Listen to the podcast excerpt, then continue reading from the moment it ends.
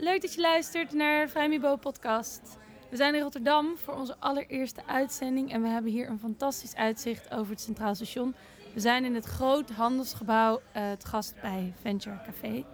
We gaan het hebben over businessmodellen en daarom zijn bij mij aangeschoven Bob Jansen. Hij is van Firmhouse en Karin Muller van Brainworks.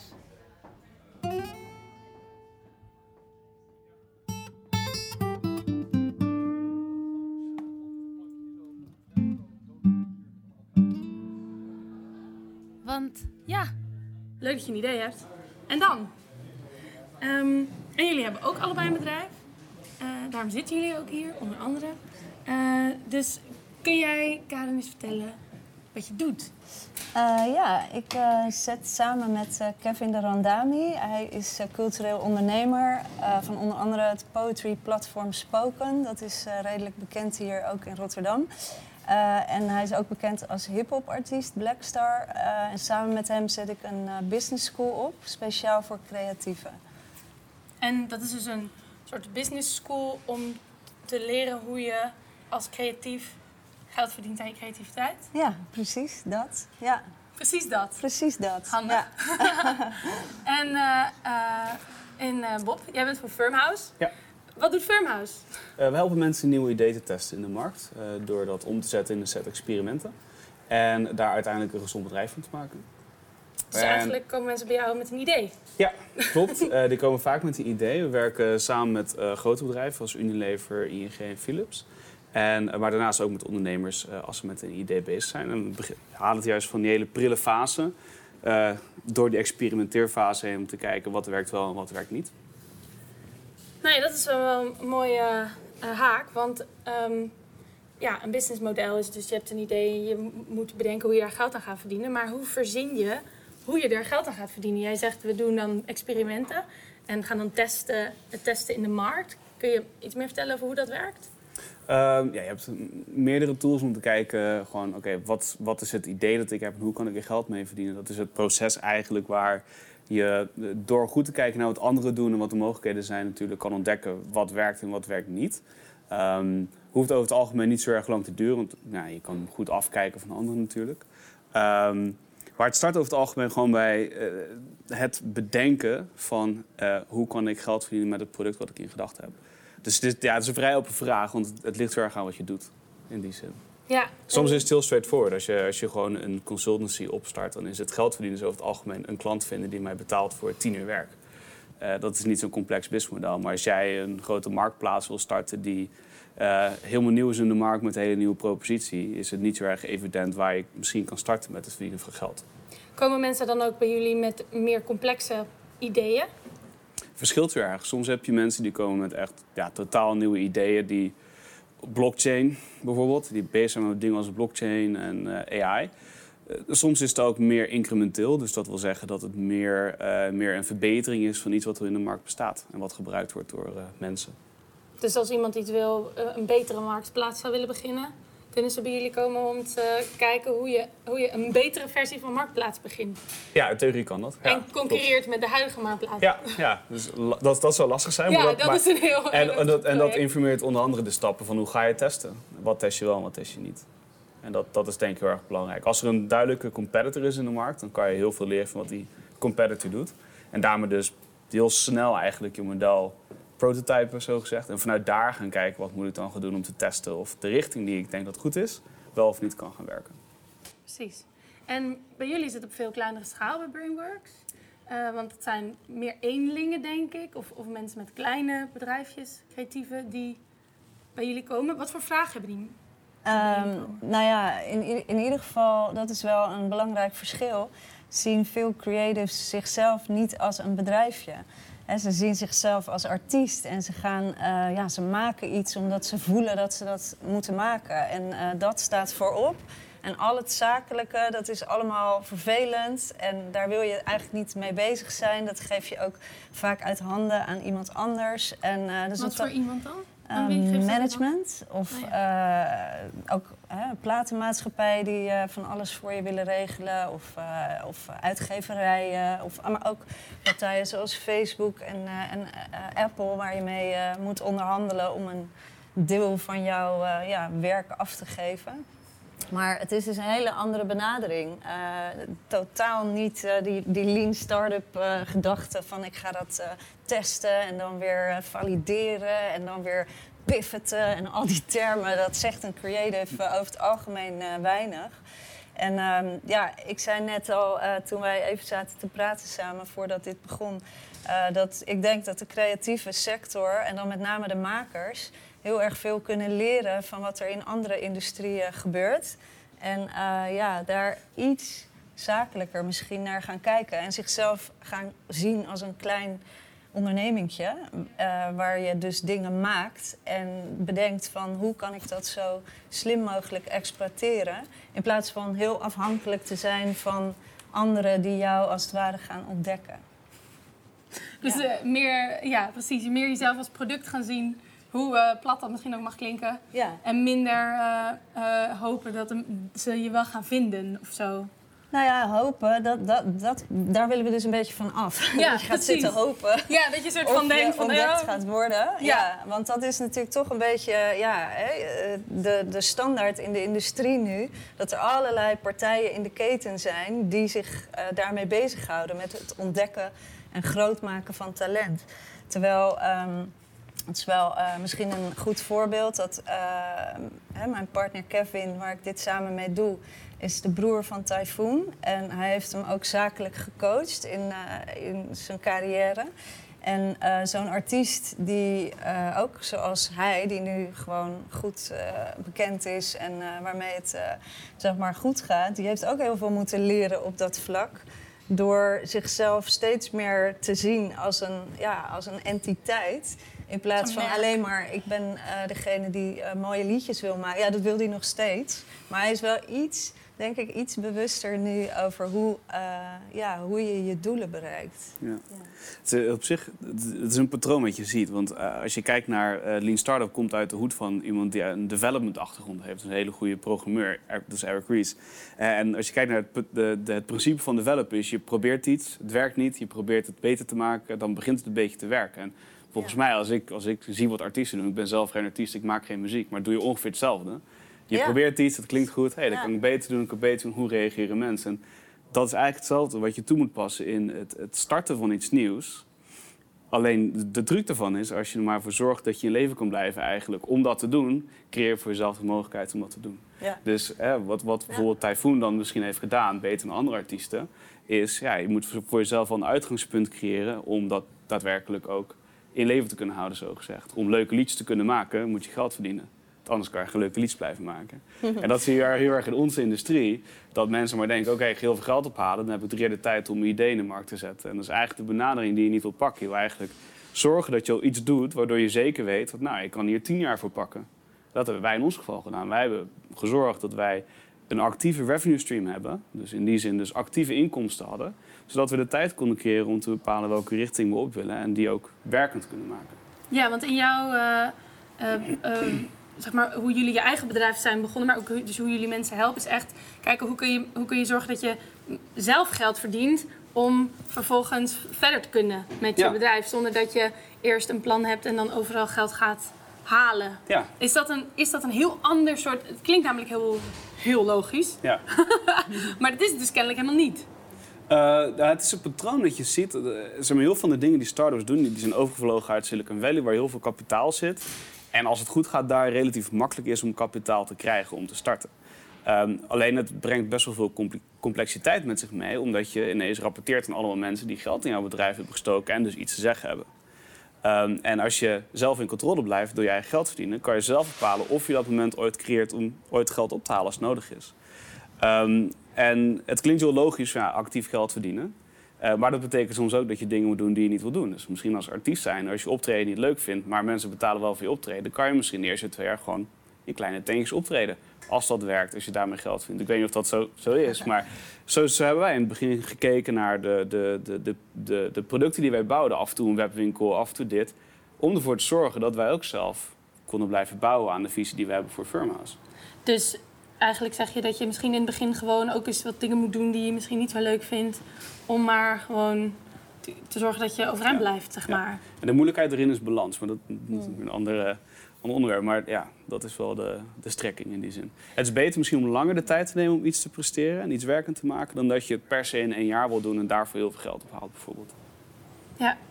En hoe is dat dan voor, eh, voor de, de Academy, de Brainworks Academy? Want mensen daar, dat zijn eenlingen. Ik, ik denk dat het daar misschien het idee dat je maar eens af en toe dingen moet doen die je niet zo leuk vindt, omdat het geld oplevert, überhaupt iets meer gemeengoed is.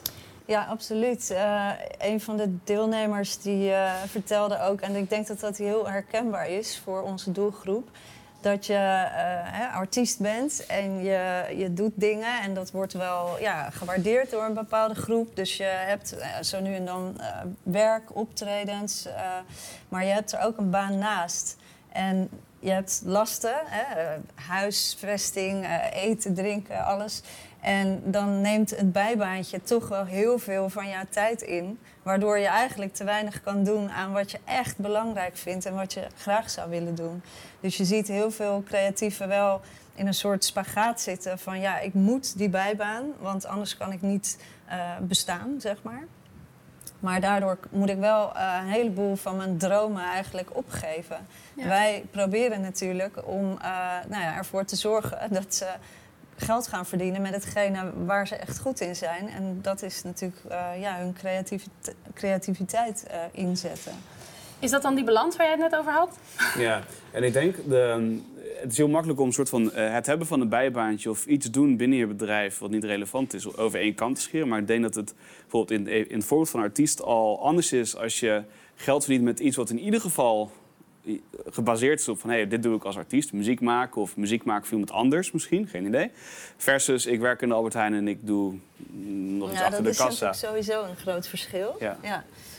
Maar dat je ziet ook. alsnog eh, vaak daar een spanningsveld in zitten. Hè, Er zijn veel eh, creatieven die eh, ambiëren om zelf echt uitvoerend artiest te zijn. Maar ja, dat dat toch... Of zo ontbreekt het soms natuurlijk ook aan talent. Dat kan ook.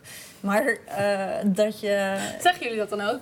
Nou, wij bemoeien ons niet met, eh, met, het, met, met een beoordeling van talent of zo. Nee. verstandig. Nee, daar beginnen wij niet aan. Wij, wij krijgen ook mensen die hebben een bepaald track record. Ja. En, eh, dus dat geloven we wel. Maar het is juist de businesskant waar ze vaak helemaal niet bewust van zijn of niet mee bezig zijn. Dus daar focussen we echt op. En is het dan de bedoeling dat je, jij zegt eigenlijk die balans van je zoekt dan eigenlijk naar dingen die je niet leuk vindt, maar wel geld opleveren, een soort van binnen de lijn van wat je überhaupt zou willen of waar je heen zou willen. Adviseren jullie dat ook aan mensen die bij jullie komen?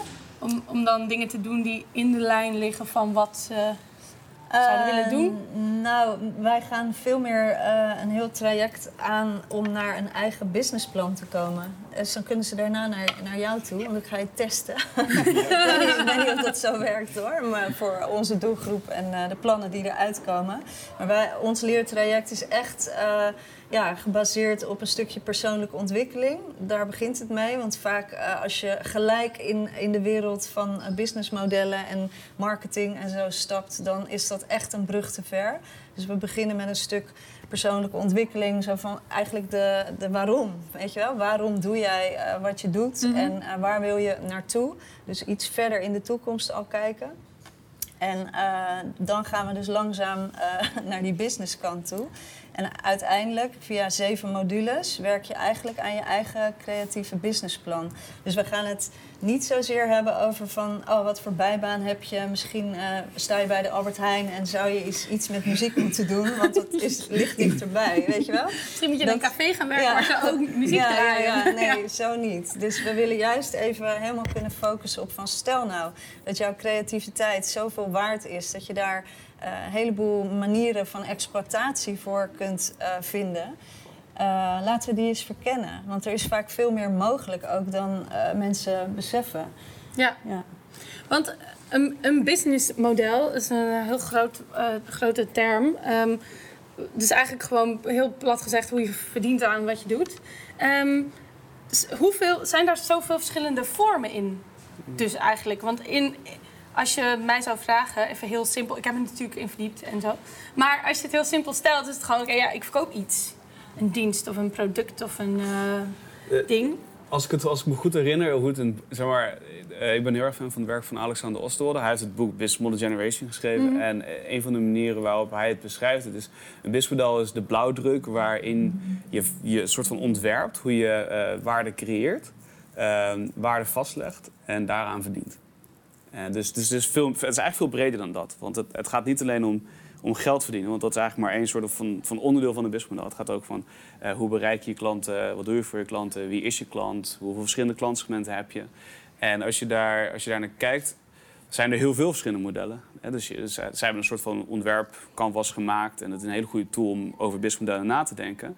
En doordat het ook een visueel eh, geheel is geworden daardoor, kun je ook patronen zien. En daardoor, als je, als je soms als je een beetje ervaren ermee bent, kijk naar een- BIS-model wat op een goed canvas is gezet en het is niet te vol met sticky notes omdat er veel te veel ideeën op hangen, eh, kan je ook over het algemeen ontdekken dat bijvoorbeeld, dan zie je op afstand van hé, dat is een two-sided model. Daar zijn twee kanten waar je geld kan verdienen, maar ook twee kanten waar je waarde kan creëren. Waarbij altijd de eerste vraag is welke kant start je? Dus je kan over het algemeen niet met alle, allebei de kanten starten. Als je over de marktplaats bijvoorbeeld waar we het net over hadden, betekent dat als jij een lege marktplaats hebt, komt er niemand om iets te zoeken. Maar ja, als er niemand komt zoeken, wie komt er dan een fiets op, op je marktplaats zetten? Dat, dat kip-en-ei verhaal, dat zijn over het algemeen, als je dan kijkt naar dat soort businessmodellen, zijn de moeilijkste om te starten. Ehm, dus, dus ik denk dat het gaat veel dieper dan hoe verdien ik geld. Het, het, het ultieme antwoord wat eruit zou moeten komen is... heb ik iets ontdekt en waarde, is er waarde die ik creëer waarin ik, waarmee ik geld kan verdienen? En is het dan voldoende om daadwerkelijk een bedrijf te draaien? Dat is een soort van het antwoord wat het zou moeten geven. Dus er zijn eigenlijk legio verschillende vormen. Ja. En eigenlijk is elke vorm een soort van custom. Je kan, niet, het, eh, je kan het niet, eigenlijk niet hebben over ehm, zoveel. Er zijn tien verschillende businessmodellen, bijvoorbeeld. Nou, er zijn, wel, er zijn overzichten waarin je patronen hebt. Eh, je hebt eh, peer-to-peer, je hebt marketplaces. Je hebt, eh, dus, dus, dus uiteindelijk zijn er wel heel veel modellen, software as a service. Die een eh, soort van gebruikt worden. platform models. Dus er zijn heel veel patronen ontstaan als je daarmee aan de slag gaat. Als je kijkt hoe bedrijven opereren. Of het super relevant is om die 100% te kennen, dat is een tweede. Dat is Ja. denk ik meer als je als expert in een, in een veld opereert waarin het heel relevant is, ja. En als je het heel leuk vindt om het helemaal te ontdekken, ja. Maar Zoals als je, jij. Dus ja, eh, ja, zeker. Maar aan de andere kant is ook, weet je, ik ben er ook helemaal niet expert-expert in. In die zin dat ik je nu het lijstje van 10, 20 of 25 businessmodellen kan geven. de allerbeste businessmodellen. Precies. Eh, maar het komt er wel op neer dat ehm, eh, als je ermee aan de slag gaat, het goed is op een gegeven moment te herkennen wat voor model het is en wat voor moeilijkheden erin zitten. En dan kun je het dus ook vergelijken. Misschien. Ja. En dan kan je ook leren van mensen die in de markt opereren met zo'n soort model. En hoe doe je dat bij die creatieven waar jullie voor werken? Zijn er, doe je ook echt heel custom kijken naar waar, hoe ga je dit in geld? Of is dat eigenlijk één soort van model waar je elke keer op uitkomt? Nou, nee, ik, eh, sowieso is het eh, heel leuk, want dit zijn ook allemaal theorieën natuurlijk, die dan zijn vastgelegd als zo'n soort model en zo'n soort model. Dat is super interessant natuurlijk als je dan inderdaad wil gaan kijken van, nou, als het zo'n soort model is, hoe zit dat, wat zijn de ervaringen daarmee en de, de valkuilen ook. Ehm, maar eh, ja, voor ons is het natuurlijk vaak dat een, eh, een artiest die heeft al meerdere verdienmodellen. Want hij treedt op, dus dan heb je daar een inkomstenstroom uit. Hij geeft eh, ja, muziek uit, dus dan komt daar een, een eh, revenue uit.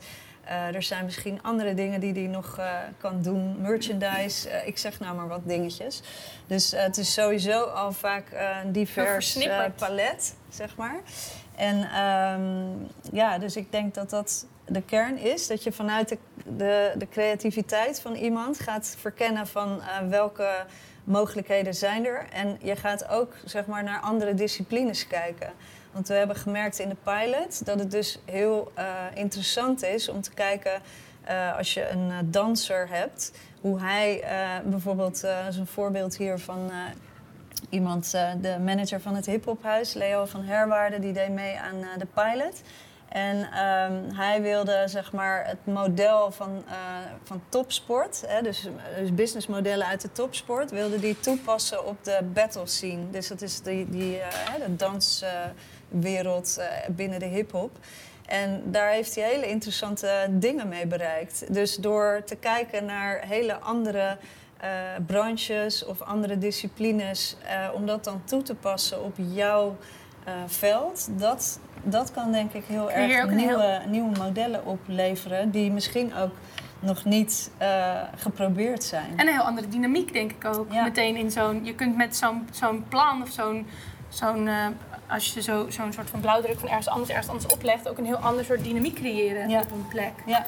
Die weer heel nieuwe dingen oplevert. Ja, nou ja, ja, want je vroeg in het begin, uh, ja, hoe, hoe, ga je, welke stappen neem je als het ware? En het is heel grappig, want uh, ik ben in die zin ook uh, eerder een creative dan een hele, dan een, dan een sec. Uh, commerciële ondernemer geweest. Ik heb uh, zelf ook ondernemingen gehad. Want je, zo jong ben ik namelijk niet. Je zei net jong ondernemers, maar ja, ik, heb al, ik, heb al, wat jaren erop zitten, zeg maar. en uh, te, de allereerste onderneming die ik had, dat was hier in Rotterdam. dat, dat was echt totaal niet doordacht. Maar doordat we super enthousiast waren en, en nou ja, echt in die zin de jonge honden kregen we waanzinnig veel voor elkaar. En hadden we een goed lopende zaak uh, met klanten uit het bedrijfsleven... Uh, waar iedereen uh, nou ja, echt van versteld stond. en aan de andere kant heb ik later nog een onderneming gehad... Waarbij we heel erg begeleid werden door van die coaches en business modeling gedaan hebben. En eigenlijk heel sec gekeken hebben van nou, hè, waar kan je geld verdienen? Maar dat sloeg het enthousiasme heel erg dood. Dus Nee, maar snap je? Je kan het ook uh, uh, kapot business modelen soms. Ja. En uh, dus ik wil maar zeggen van, ik denk dat elke ondernemer toch ook heel veel passie in zich draagt. Jij ook, weet je wel, om, om toch ergens in te geloven. En tuurlijk wil je dat zoveel mogelijk onderbouwen met, is er een markt voor? waar zit mijn doelgroep? hoe breng ik het er naartoe? Maar ja, er is ook een deeltje wat een soort van ongrijpbaar is. En ja, ik denk dat dat ook belangrijk is, dat je dat niet helemaal verliest of zo. Want dat heb ik dus in dat tweede geval gemerkt. Ja, en dat werkte voor mij persoonlijk dus niet. Dus dan was het op papier een supergoed businessmodel. maar ik was echt... Je was je hele ambitie en ik je was helemaal- verloren. Ja, Ja, ik- het, precies. het was niet meer mijn ding of zo. Herken als je dat? ondernemer. Ja, tuurlijk. Ehm, ik denk dat zeg maar, de, wij, wij hebben ook eh, vier goede developers, goede designers. Dus wij bouwen ook echt wel producten. En je merkt dat je die tijd van hoeveel, hoeveel tijd besteed je daadwerkelijk aan het denken... en hoeveel tijd besteed je aan eh, gewoon het harde werken aan iets wat, waarvan mensen zeggen... dit is gaaf, dit wil ik hebben, hiervoor wil ik betalen. Dat laatste is altijd veel leuker om te ervaren dan dat... Ja, Misschien het alleen maar denken, zo gezegd. Of het alleen maar op papier bezig zijn met iets. En dat, daar pushen wij ook heel erg op. En of het nou binnen een corporate omgeving is of met ondernemers. Ehm, je moet altijd bezig zijn met hetgeen wat je uiteindelijk daadwerkelijk in de markt wil gaan zetten. En het uitstellen daarvan, dus het daadwerkelijk eh, heel lang een beetje zo zweverig in een ruimte met sticky notes allemaal toffe dingen bedenken. En we noemen dat een beetje whiteboard strategies. Waarin je gaat heel lang op een whiteboard nadenken wat je allemaal kan gaan doen. En dan heel lang wachten tot je daadwerkelijk aan de slag gaat. Dat is een soort van het ergste wat je kan doen. Eh, want dan, ja, dan kom je steeds... Ja, tuurlijk. Want de, de complexiteit van alle ideeën die je hebt gaat omhoog. Je weet niet meer waar je moet starten. En je verlandt helemaal met alle opties die je hebt. Dus juist het zo snel mogelijk iets maken dat werkt. En iemand laten zien en daar feedback op krijgen. En daarvan kunnen leren is een van de... Ja. Ja, en wij doen het dus actief in onze business. Omdat we daar ook de, de juiste skills voor hebben. En dat is, dat, dat, zeg maar, dat is echt mijn, drijf, echt mijn drijfveer in die zin. Eh, gewoon Het zien dat werkt. Het Iets testen, maken en ja, testen. Ja, tuurlijk. Dus En- dat is ook waarom wat je in het begin Ja. vertelde van we gaan gewoon, oké iemand komt, oké tof, we gaan Ja. iets maken en proberen en proberen net zo lang totdat we zien wat er werkt. Ja, absoluut. Gewoon trial and error. En dat is bij jullie werkt dat een beetje hetzelfde. Nou, ik vond het heel mooi wat jij net zei. Dat, eh, ik denk creatieve, eh, eigenlijk eh, bottom line, eh, ja, heel erg die methode al, al toepassen. Dus je maakt iets en je laat het horen aan iemand of je laat Ja. het lezen aan iemand. En dan krijg je een reactie en ja, dat doet wat met jou. Dus je gaat misschien weer, ja, inderdaad eh, dingen aanpassen of eh, net even anders doen. Dus eh, ik vind het een hele mooie vergelijking, inderdaad. Die gaan we gebruiken in, de, in de opleiding. Ja. Ehm, want ik denk dat dat, eh, ja, dat als je laat zien eigenlijk aan creatieven dat ze dat al in zich hebben, maar dat dat eigenlijk een methode is die niet-creatieven zich Ja. misschien meer moeten aanleren, dan is dat een heel groot voordeel eigenlijk. Dat je Ja. het eigenlijk al gewend bent om te doen. Om je bent gewoon al te proberen gewend. en te testen Ja, en te kijken ja, ja. net zo lang totdat je iets En vindt. daar, daar leer je zoveel van om gelijk inderdaad eh, ja, het te laten ervaren aan iemand anders. Want dat was Dus, ook een vraag van mij, van kun je ook tot de conclusie komen dat je model niet werkt? Absoluut. Maar eigenlijk is dat dus, ontdek je dat eigenlijk in de beginfase.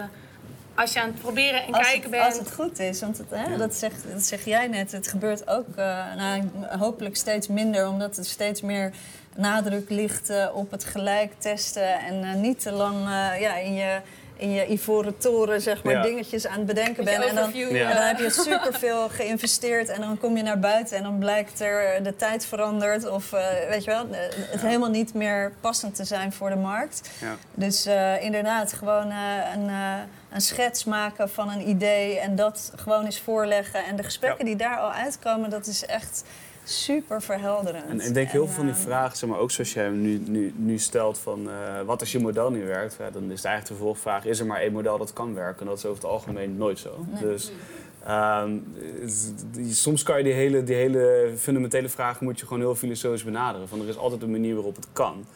Het verschil is alleen, wil je al je geld op één poging inzetten of wil je je geld inzetten op 10, 20, 30, 40, 50 pogingen? En als je dan teruggaat naar wat ik eerder zei, als je actief geld verdient, creëer voor jezelf die ruimte om actief door te testen wat wel en niet kan werken. En ja, dat, dat, dat geeft jezelf ruimte om iets te doen. En juist daarom dat, dat de, ook, het, ook het hele denken achter klein beginnen, uitvogelen wat werkt op kleine schaal en dan pas schalen. En je ziet heel vaak, omdat er heel erg die ehm, voorliefde in de start-up industrie zit, maar ook bij gewoon ondernemers die kijken naar eh, bijvoorbeeld Sprout Challengers. Wow, dat zijn, of de, de FD zelf, wow, 13.000 procent gegroeid op een jaar. Oh, dat wil ik ook. Terwijl ze nog niet weten wat ze aan het doen zijn, dan iets schalen wat niet werkt en kaart kapot gaan. Dus je moet eerst weten wat je gaat schalen en of dat op kleine schaal ook werkt. En dat pas gaan schalen. En dat, dat merk ik heel erg, dat, dat die mindset, daar, als je naar succesvolle ondernemers kijkt, die echt misschien al heel veel miljoenen hebben verdiend, een keer een bedrijf hebben verkocht. Als zij opnieuw beginnen, wat doen ze? Klein beginnen. Kijken wat werkt, kijken wat niet werkt. Hé, hey, nu snap ik het, ik begrijp de markt, ik begrijp wat ik doe, dan ga ik schalen. Ja.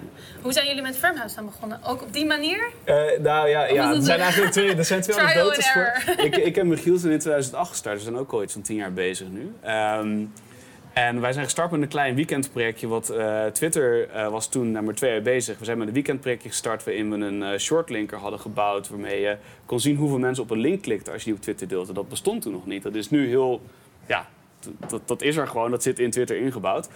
Maar toen bestond dat niet. En dat hebben we in een weekend in elkaar geduwd. En eh, dat was super tof. En dat hebben we dus neergezet. En een van de Nederlanders die heel erg actief is op Twitter, Erwin Blom, die heeft het naar de founder van Twitter gestuurd, Bestone. En die zei, oh dat is leuk, zet ik op mijn Twitterblog. En zodoende hadden wij binnen drie dagen echt massive traffic. En merkten we ook dat onze samenwerking heel goed werkt. Want dat was eigenlijk het idee waarom we dat deden. Michiel en ik hadden, Michiel is co-founder van Firma's, hadden samen zoiets. hey, We hebben een klik, willen dezelfde richting op, we delen een beetje visie. Oké, laten we gewoon in de weekendproject kijken hoe ver we komen en of we elkaar de tent niet uitvechten. Nou, dat gebeurde dat weekend niet. Dat is Gelukkig. het eerste experiment Ja, precies. Het eerste Ja. experiment was geslaagd. En gelukkig eh, was het ook zo dat het project een beetje aandacht kreeg. Dus wat we ermee door konden. En toen het een beetje lucht was, zoiets van nee, de samenwerking gaat goed. Dan zijn we twee weken later naar de KVK gegaan. Hebben we ons ingeschreven. Gewoon gezegd, nu gaan we gewoon Firmhouse starten. Ik had al een beetje over die naam nagedacht. Zo, toen gewoon gezegd 50-50. Nou, we zijn nu tien jaar verder, dus hebben we elkaar nog nooit de tent uitgevochten. dus Dat helpt. ja. Dat was ja. een hele goede, goede Dus, dus qua startpunt, ja, en toen hebben we bedacht, we willen niet te vroeg investeerders aan boord. Dus we gaan met de consultancy doen. Ik kan wat designwerk doen, ik kan de business doen, hij kan development doen. En zo zijn we eigenlijk gestart. Allemaal zelf, eerst Ja. zoveel mogelijk zelf gedaan en toen pas langzaam. Zorg dat je zelf je eerste klus binnenhaalt, zorg dat je zelf je eerste producten bouwt. Dat, dat- ja, gewoon snappen hoe het zorgen werkt. dat zo, zo, zo lang mogelijk, zo min mogelijk mensen iets over je te zeggen hebben. Precies. Ja. Misschien. Ja. En jij zei al van je bent al eerst begonnen en dat ging heel goed. En toen had je het allemaal op papier een tweede keer. En toen dacht je, nou, dat vind ik eigenlijk helemaal niks meer aan. Hoe werk je nu? Eh, nou, een beetje als een mix daartussen. Dus ik ben wat min, eh, ik ben niet meer eh, die jonge hond van toen. Eh, dus je bent iets bedachtzamer en eh, ja, ook veel meer ervaren natuurlijk. Dus eh, het is nu denk ik mooi in balans. Dus er zit nog steeds heel veel passie in voor wat ik doe. Maar eh, ja, we kijken nu natuurlijk wel samen, eh, ook nu met een paar invest- kleine investeerders, ja, naar de toekomst van het bedrijf. Dus het is niet meer van, oh, ik ga zomaar ergens beginnen en ik zie wel. Nee, Nee, niet. ook omdat er misschien nu meer mensen ook bij jullie het komen Ja, het is halen allemaal, heel erg. Ja, nou, ja, zeker. Ja, zeker. Ook dat. Je moet er En, zelf wel een eh, beetje over nagedacht hebben als je het andere ja. gaat vertellen. natuurlijk. Nou ja, ook dat. En eh, ja, wat ik jou net hoorde zeggen is zeker ook waar. Wij zijn ook eh, met Brainworks ja, heel klein begonnen. Kevin eerst zelf met een, met een partner die, waar hij toen mee werkte. En eh, veel eigen ja, middelen erin gestoken. eh, inderdaad uitproberen. En nu zijn we dan op dat punt. eh, we hebben net een succesvolle crowdfunding achter de rug. En nu zijn we op het punt waar investeerders wel geïnteresseerd raken. Van hé, hey, weet je wel, die zijn al een tijdje bezig. En nu zijn wij er ook klaar voor. En dus het is mm, ja, beter om het zo langzaam op te bouwen dan misschien gelijk op zoek te gaan naar investeerders zonder dat je nog eigenlijk dingen hebt uitgeprobeerd. Trek je dan ook de mensen aan die misschien beter bij je passen? Als je dat op een later moment doet. Denk en wel. beter, al beter weet wat je zelf wil en waarheen en hoe. Ik denk, ik denk in die zin als kijk, wij hebben, de, wij hebben eh, twee, ja, twee investeerders aan boord. Eén die ook actief is als partner op dagelijkse basis. Ehm, en die hebben heel, heel, heel erg geselecteerd op geloven ze in de visie en de richting van het bedrijf. En niet alleen maar, hé, hey, we hebben 200.000 euro nodig of 300.000 euro nodig. Eh, wie biedt voor het juiste percentage om een aandeel in ons bedrijf te kopen? Dat is niet hoe wij, ja precies, dat is niet hoe wij geld hebben, hebben opgehaald en dat wilden we ook niet. Dus en, ik denk dat het echt voor mij de bottom line van ondernemen is... je moet voor jezelf de juiste uitgangspositie creëren. En die hadden wij voor onszelf omdat we de tijd konden nemen om de juiste persoon te vinden... en daar ook de tijd voor te kunnen nemen om de juiste gesprekken mee te voeren... en dan daadwerkelijk tot een deal te komen. Versus, je hebt één maand geld over en er moet nu geld komen, anders, punt, punt, punt. Waarbij de, ja, de leverage totaal bij iemand anders ligt. Ja, precies. En dan heb je dus kom je ook bij elkaar iets halen. In plaats van dat jij als bedrijf misschien alleen geld komt halen ergens. Komen, komt die investeerder ook nog iets bij jou halen? Absoluut. Of is het meer eh, je min- een minder ehm, ondergeschikte rol of Ja. positie? Ja, het voelt Zeker. meer als eh, een samenwerking echt. En ehm, eh, het zijn ook in ons geval, eh, ja, wij zijn natuurlijk een, een business school voor creatieven, is niet denk ik eh, hè, in één keer het gouden ei of zo, waar mensen superveel rendement uit gaan halen als ze nu investeren. Ik denk dat we daar ook heel eerlijk in zijn. We beloven geen gouden bergen, maar we beloven wel natuurlijk winst. Hè. Het is gewoon een commerciële opzet. Eh, het is een onderneming. Maar dit zijn ook investeerders die ja, ook echt wel met hun hart erin zitten. Die vinden het gewoon belangrijk dat zoiets er komt. En eh, ja, die zitten daar toch wat anders in. En veel meer in een coachende rol ook, met hun ervaring. Dan eh, ja, geld erin stoppen en wachten tot het eh, heel veel rendement gaat opleveren. Ja. is dat ook een ander soort sfeer dan misschien jaren geleden? Dat er meer ook mensen ergens ingaan, zoals jij, wat jij zegt, van meer omdat ze denken van, nou, dit is ook echt wel iets waar ik heel graag geld aan wil, zeg maar, in wil investeren. Ja, ja, ja, ik denk ja. zeker. zeker. Ja. En zeker omdat je nu ook, ook in, in, zeg maar, in, in Nederland steeds meer ja, exits zijn geweest. Bedrijven worden verkocht. Daardoor zijn er altijd mensen die behoorlijk wat geld overhouden.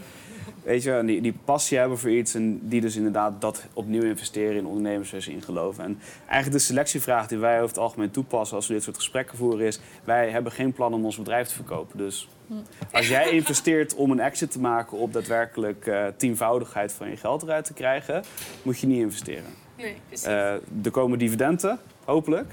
Dat is waar we voor gaan. En ik ga liefst, het liefst met pensioen in mijn eigen bedrijf. Dat is, dat is hoe wij erin staan. En dat is een hele goede ja, gewoon selectiecriteria. Door hoe je die gesprekken kan openen.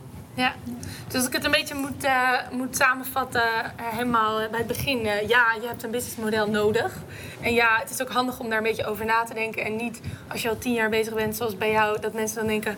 er komt overal iets binnen, maar eh, ik heb ook nog een bijbaan... en ik weet niet zo goed hoe ik dit allemaal eh, bij elkaar ga brengen... tot iets waar ik uiteindelijk een beetje duurzaam van, eh, van kan bestaan.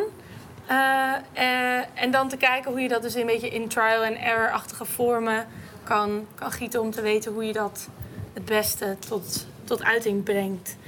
Hebben jullie nog een soort supertip voor mensen die beginnen, een soort, eh, eh, die beginnen en denken: oh my god, ik heb echt een geniaal plan, maar hoe dan? Ja, toch gewoon beginnen. toch gewoon doen. En eh, ook, eh, ik spreek een heleboel mensen en ehm, het is wel grappig. Als je dus al iets meer ervaring hebt, dan heb je zeg maar twee typen mensen die je vaak ontmoet. zijn mensen ja, zoals ikzelf die al gelijk na de studie is gaan ondernemen. En ik heb dus eigenlijk nooit eh, een corporate eh, baan gehad of een baan in loondienst. Het is altijd als zelfstandige geweest. Of je hebt mensen die een heel corporate carrièrepad hebben afgelegd en daarachter komen dat dat ook niet zaligmakend is. Hè? Al dat geld daar verdienen en zo. En die dus zoeken naar zingeving. En ehm, uiteindelijk denk ik toch dat de mensen die hun hart een beetje volgen. Hè? Dus als jij echt denkt dat je een goed idee hebt, tuurlijk is niet elk idee levensvatbaar als, als businessmodel en dergelijke. Maar ga het vooral doen en begin klein inderdaad. Begin eens om je heen te kijken eh, ja, wat het doet, wat het kan. Dus eh, laat je niet weerhouden. Dat is meer eh, wat ik als Door tip het heb. grote businessmodel. Ja. Ja. Verzamel de juiste mensen om je heen door Mm. te vertellen over wat je wil gaan doen. En neem de tijd. Ik denk dat een van de slechtste dingen die je kan doen is te veel haast. Heel veel mensen haasten omdat ze de first mover willen zijn. Ik denk dat first mover ook een hele slechte positie is om in te zitten. Dus je gaat als eerste alle fouten maken. Je kan er beter als eerste snelle achtervolger achteraan rennen, denk ik altijd. En, de, en het afkijken. En het afkijken en leren van de fouten van iemand anders. Maar neem de tijd, zeker als je jong bent. Als je 20 bent, ik ben gestart op de 21ste. Ik ben nu 31. Dit- dit- ik, ik vind het prima waar ik nu ben. We zijn niet extreem groot, we zijn tien jaar bezig, maar we zijn wel heel goed bezig. En ik denk dat dat belangrijk is, dat je gewoon meer geniet van het feit dat je het aan het doen bent. Omdat je alleen maar die hele hoge target voor jezelf zet. Eh, Ja. Mensen die zeggen, ik wil voor mijn dertigste miljonair zijn. Zo. Als het je drijfveer is, niet doen. dus begin überhaupt langzaam, begin doen. klein. Ja, begin langzaam, begin klein. Maar op het moment dat je ziet dat het werkt, er dan moet je zorgen dat je gaat schalen. Maar tot die tijd, wees bereid om klein te zijn en eh, gewoon toffe dingen te doen. En er lol in hebben dus Ja. vooral. Ja, en een gezond bedrijf te bouwen. Nou, hartstikke bedankt dat jullie hier wilden zijn vandaag. En Ja. over Bedankt voor de uitnodiging. Ja, ja, bedankt. Awesome.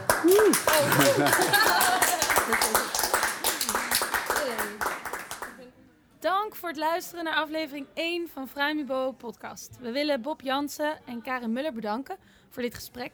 Zij zijn te vinden op firmhouse.com en brainworks.com en brain met AI. We willen het Venture Café bedanken dat we te gast mochten zijn hier op deze waanzinnige locatie. En natuurlijk iedereen die hier was om te komen luisteren. De volgende aflevering is in Utrecht op 22 december, gezellig vlak voor kerst. En dan gaan we het hebben over hoe je je businessmodel test in de markt. Kom vooral langs, luister, stel vragen aan de sprekers, drink een biertje met andere ondernemers. Wij hopen op kruisbestuiving en natuurlijk hopen we ook dat alle mensen die er niet bij kunnen zijn, lekker onze podcast luisteren. We horen het ook heel graag als jullie vragen hebben. Dus mail, like ons op Facebook, Schrijf je in voor de nieuwsbrief en stay in touch.